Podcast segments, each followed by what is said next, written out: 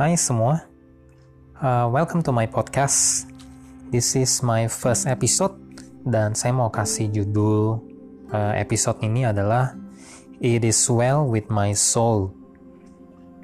Well, uh, kalau kita ketemu dengan teman kita, kayaknya bukan hal yang aneh untuk kita saling menyapa dengan ucapan Hai, how are you? Atau bagaimana keadaanmu? Tapi saya rasa sangat langka jika ada teman kita yang menyapa, Hai, how's your soul? Bagaimana keadaan jiwamu? Kalau ada yang nanya begitu, saya juga bingung bagaimana mesti menjawabnya. Uh, saya mengingat ada satu bagian di Alkitab di 3 Yohanes 1 ayat 2 uh, eh, saya akan bacakan di versi bahasa Inggrisnya dikatakan Dear friend, I pray that all may go well with you and that you may be in good health, just as it is well with your soul. Nah, bagian ayat ini mengatakan pada kita, sebagaimana fisik kita bisa dalam keadaan sehat, demikian pula dengan jiwa kita.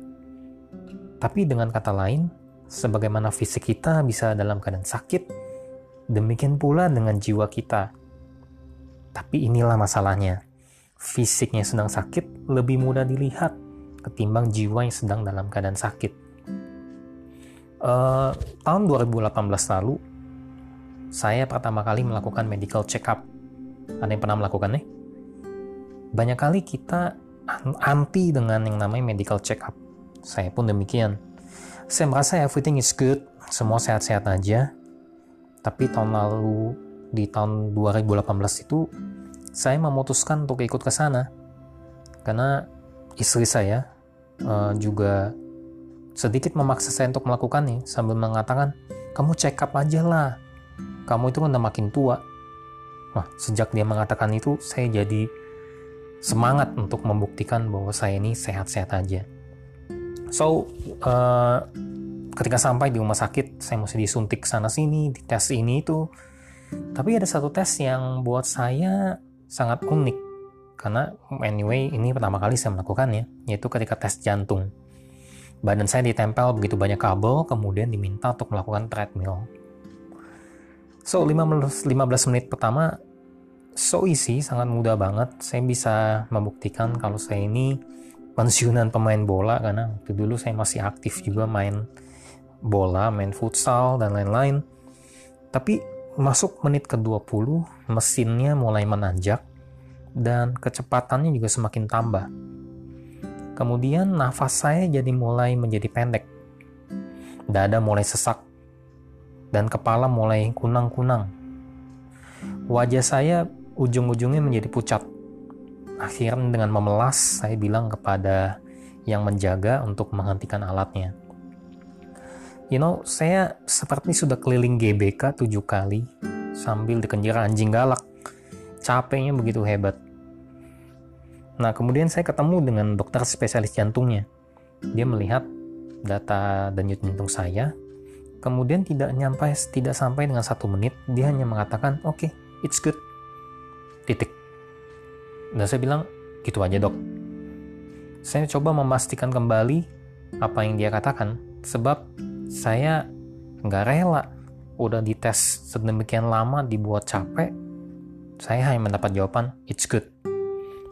Well tentunya saya juga give thanks karena hasilnya fine hasilnya baik-baik aja. Tapi saya mendapatkan sebuah insight melalui hal ini. Kadangkala Tuhan mengizinkan masalah datang dalam hidup kita atau mengizinkan tantangan dalam hidup kita untuk menunjukkan keadaan kita yang sesungguhnya Pernah nggak ketemu dengan teman atau siapa pun yang kalau lagi ada masalah, masalahnya selalu sama, itu-itu lagi. Nah, besar kemungkinan Tuhan sedang ingin kasih tahu ke dia bahwa masalahnya ada di bagian itu.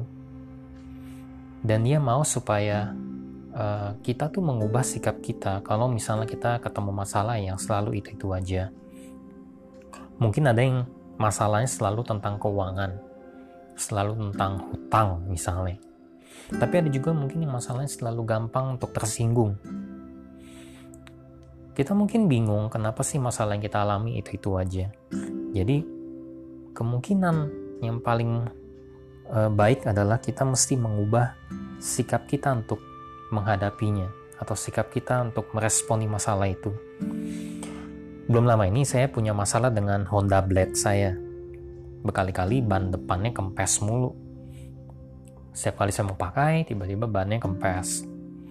Dan yang paling mengesalkan adalah setiap kali saya mau uh, pakai, dan selalu waktunya lagi mepet dan saya temukan bahwa ban itu kempes.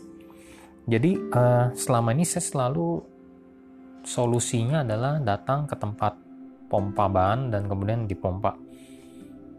Tapi berkali-kali juga masalahnya selalu datang dengan hal yang sama, yaitu ban depannya kempes. Jadinya saya memutuskan untuk mengubah sikap saya dalam melihat masalah ini. Saya datang ke planet ban, well tentunya itu bukan nama sebuah planet sebuah planet di tata surya kita dan ketika dicek ternyata ban bagian dalam itu sudah makin tipis dan ada lubang kecil yang di sana sehingga selalu akan kempes. Tapi itulah pokok masalahnya.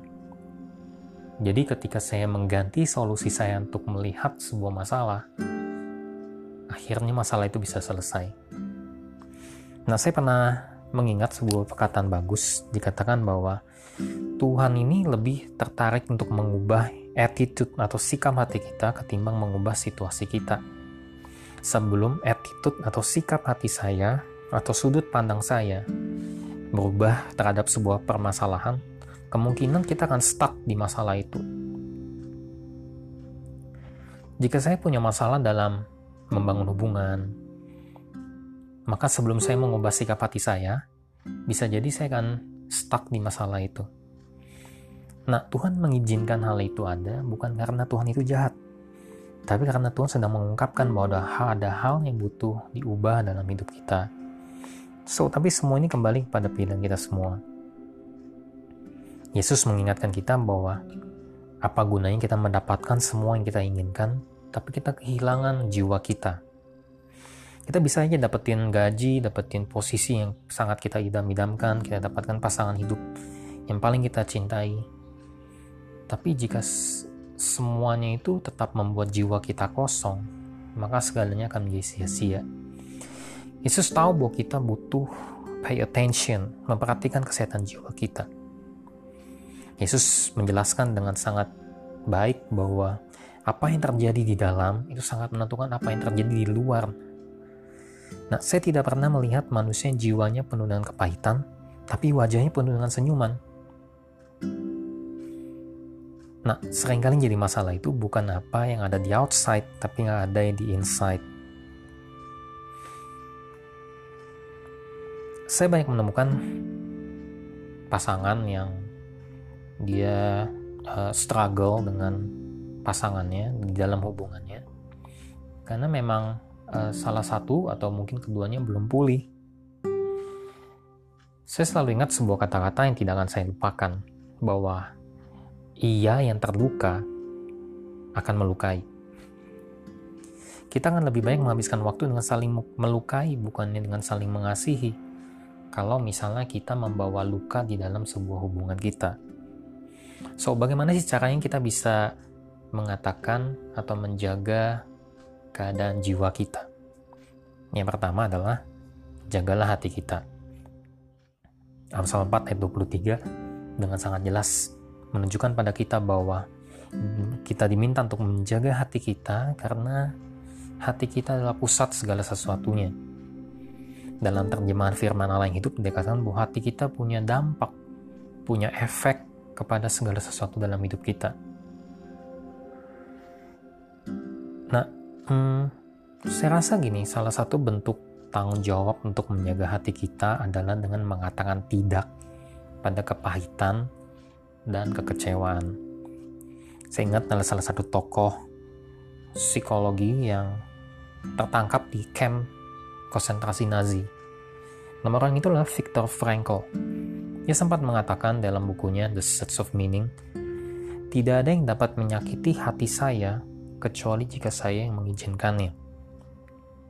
Akan selalu ada pihak menyakiti hati kita, baik itu disengaja maupun tidak sengaja. Tapi kita selalu memiliki pilihan, untuk sakit hati atau kita melepaskan pengampunan. Du, uh, beberapa waktu lalu, tepatnya 2010, saya sempat traveling dengan family saya ke Beijing dan kita tiba di Forbidden City. Kalau buat yang sempat holiday ke sana, tentu kita akan melihat sebuah foto pemimpin China yang sangat terkenal yaitu Mao Zedong. Ada sebuah kisah yang waktu itu saya baca dan hmm, apa ya kasih saya sebuah insight bagus. Ternyata ketika kecil Mao Zedong ini pernah dipanggil anjing kuning oleh seorang pastor untuk pemimpin agama. Ketika itu dia masih sekolah. Panggilan itu sangat menyakiti hati dia, sehingga dia ketika tumbuh dewasa, ia menjadi seorang pemimpin komunis yang paling dikenal. Ia terlibat dalam pembantaian hebat di tahun 1966.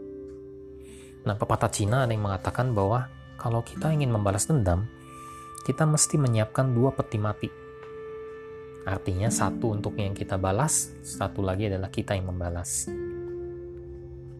Saat jiwa kita dalam keadaan baik, maka kita bisa menghadapi kesulitan dan penderitaan. Tapi kalau jiwa kita sedang sakit, jiwa kita sedang fragile, ketika ketemu masalah, kita dengan mudah akan bisa pecah. Kalau ada yang mudah sekali tersinggung, biasanya ada sesuatu dalam jiwanya yang belum dipulihkan saya ingat ada satu teman wanita saya yang ketika kita waktu itu sedang ngomong-ngomong santai dan kita bahas tentang cowok yang selingkuh. Tiba-tiba mood dia jadi jelek dan langsung ngegas bilang memang semua cowok itu yang bajingan. Padahal kita nggak ajak dia ngomong, kita nggak minta dia juga untuk komen, tiba-tiba dia ngegas kayak begitu. So, ya itu kita bisa melihat bahwa kalau jiwa kita ada yang belum dipulihkan, saat ada kekecewaan dalam hati kita, begitu kita ada isu yang sensitif itu muncul, maka apa ini dalam hati kita akan muncul lewat kata-kata kita. Nah, yang kedua adalah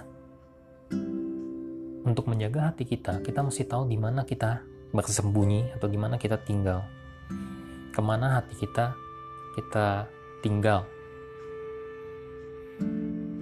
Saya suka di Amsa atau di Mazmur 32 ayat 7 di New Living Translation dia katakan bahwa Daud menulis kayak gini, For you are my hiding place. Tuhan adalah tempat kita bersembunyi, Tuhan adalah tempat kita untuk mendapatkan perlindungan. Pernah main petak umpet? Waktu itu saya pernah ngumpet, tapi bukan karena lagi main petak umpet, jadi ketika itu waktu kelas 5 SD saya diajak oleh teman saya untuk ikut sekolah minggu Katolik.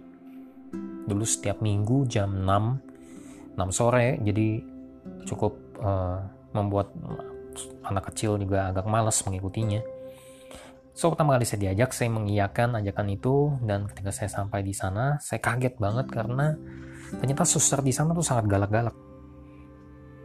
Dan di akhir kelas suster tuh mengatakan bahwa di minggu depan setiap kita mesti maju satu-satu dan menyanyikan sebuah lagu.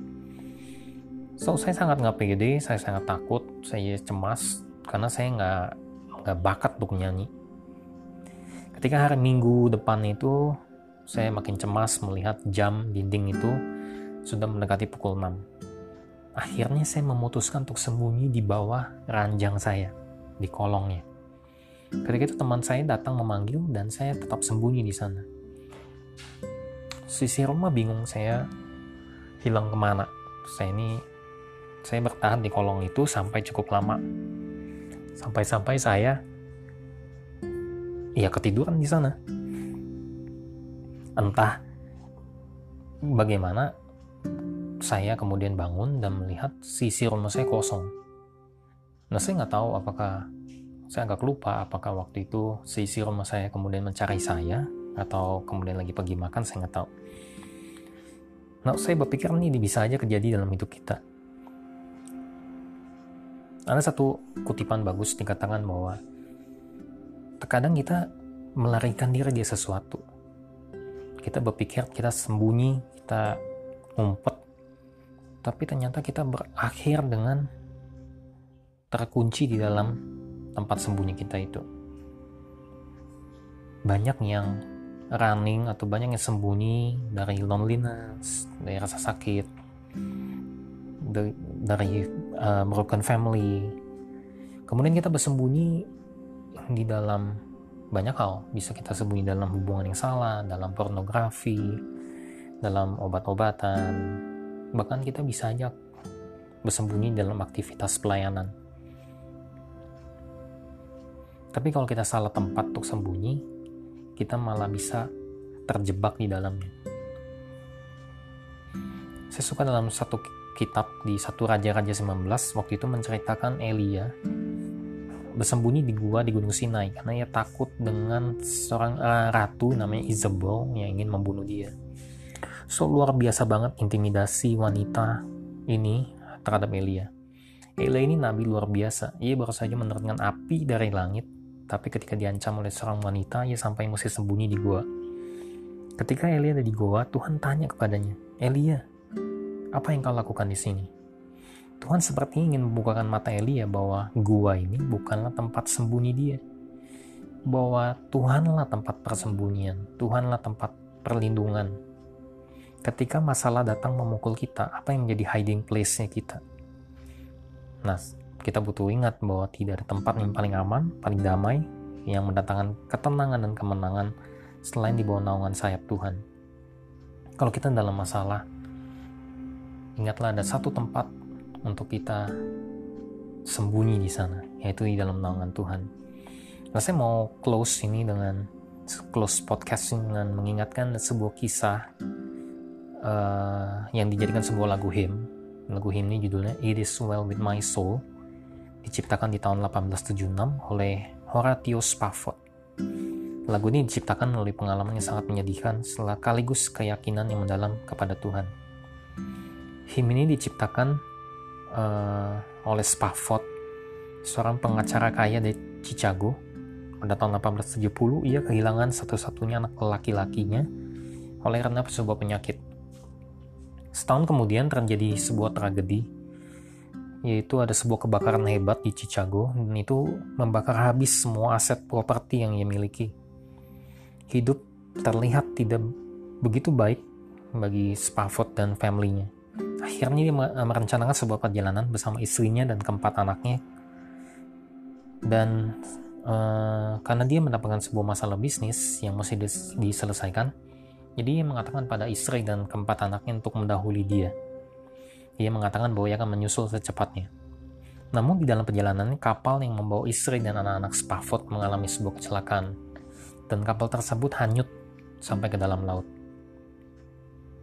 Setelah beberapa hari, Spafford mendapatkan sebuah pesan dari istrinya. Pesan itu hanya menuliskan dua kata, safe alone.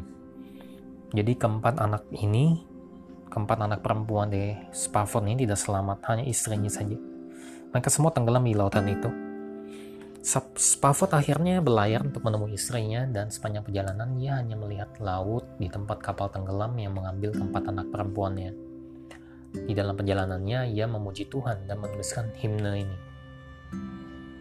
When peace like a river attended my way, when sorrows like a sea below stroll, whatever my Lord, you have you has taught me to say, it is well, it is well with my soul. Mazmur 34 ayat 18 Tuhan itu dekat kepada mereka yang patah hati dan ia menyelamatkan mereka yang remuk jiwanya. Thank you, so stay healthy in your soul. My soul is well, so it is you. God bless you.